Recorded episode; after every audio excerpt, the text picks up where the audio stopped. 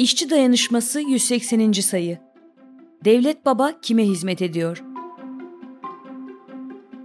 6 Şubat depremlerinde binlerce enkazdan aynı çığlık yükseldi. Devlet nerede? Toplumun üstünde ve herkese eşit bir varlık olarak görülen devlet, insanları yalnız bırakmıştı. Depremzedelerin yaşadığı şok ve hayal kırıklığı çok büyüktü.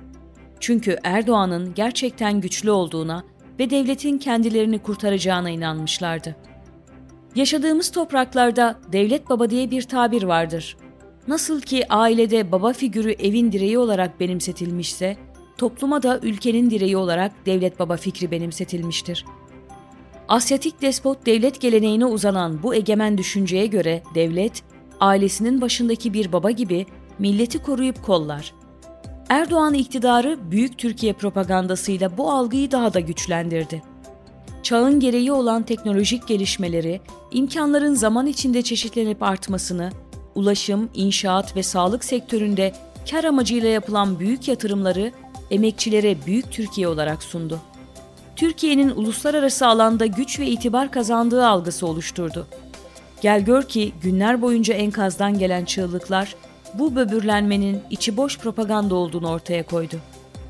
Devletin uzatmadığı dayanışma elini sosyalistler, sendikalar, muhalif partiler, gönüllü emekçiler, sivil toplum örgütleri uzattı ve son derece etkili oldu. Devlet ise sivil dayanışmanın öne çıkmasından son derece rahatsız oldu. Halkı kurtarmak için seferber olmayan iktidar bu dayanışmayı engellemek için oradaydı.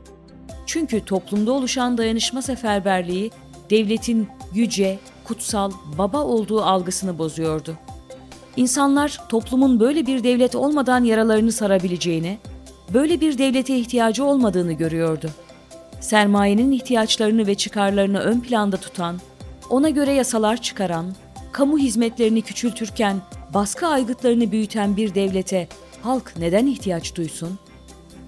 Peki 20 yıllık AKP iktidarında dünyaya meydan okuyan devlet ne yaptı? Eğitim, sağlık, ulaşım, altyapı, afet yönetimi gibi kamu hizmetleri özelleştirilerek devlet kamusal alandan büyük oranda çıktı.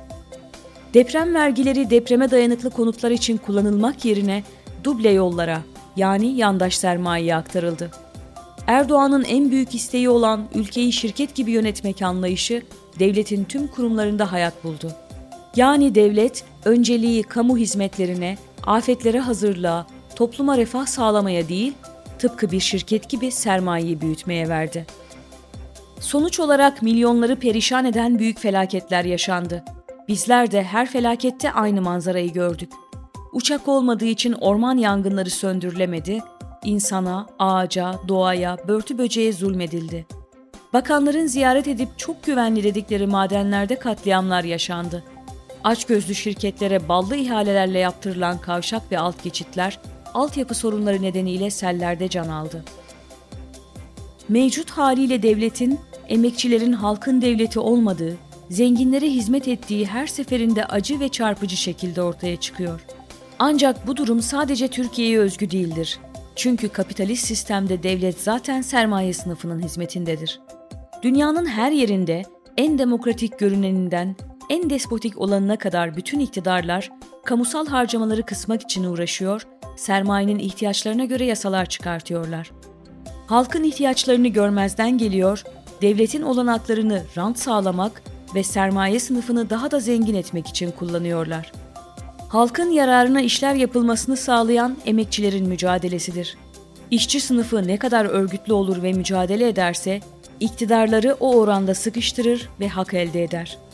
Sömürü düzeni sürsün diye hizmet veren mevcut devletin kutsal olduğunu söyleyenler, halkı kandırmış ve pasif konuma itmiş oluyorlar. Çünkü bir halk kutsal olduğuna inandığı devletten hesap soramaz, hak talep edemez ancak ihsan bekler.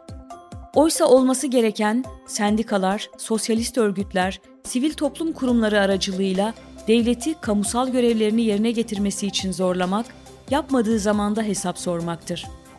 Mesela Meksika'da Eylül 1985'te yaşanan depremler bu konuda çok önemli bir örnek oluşturuyor.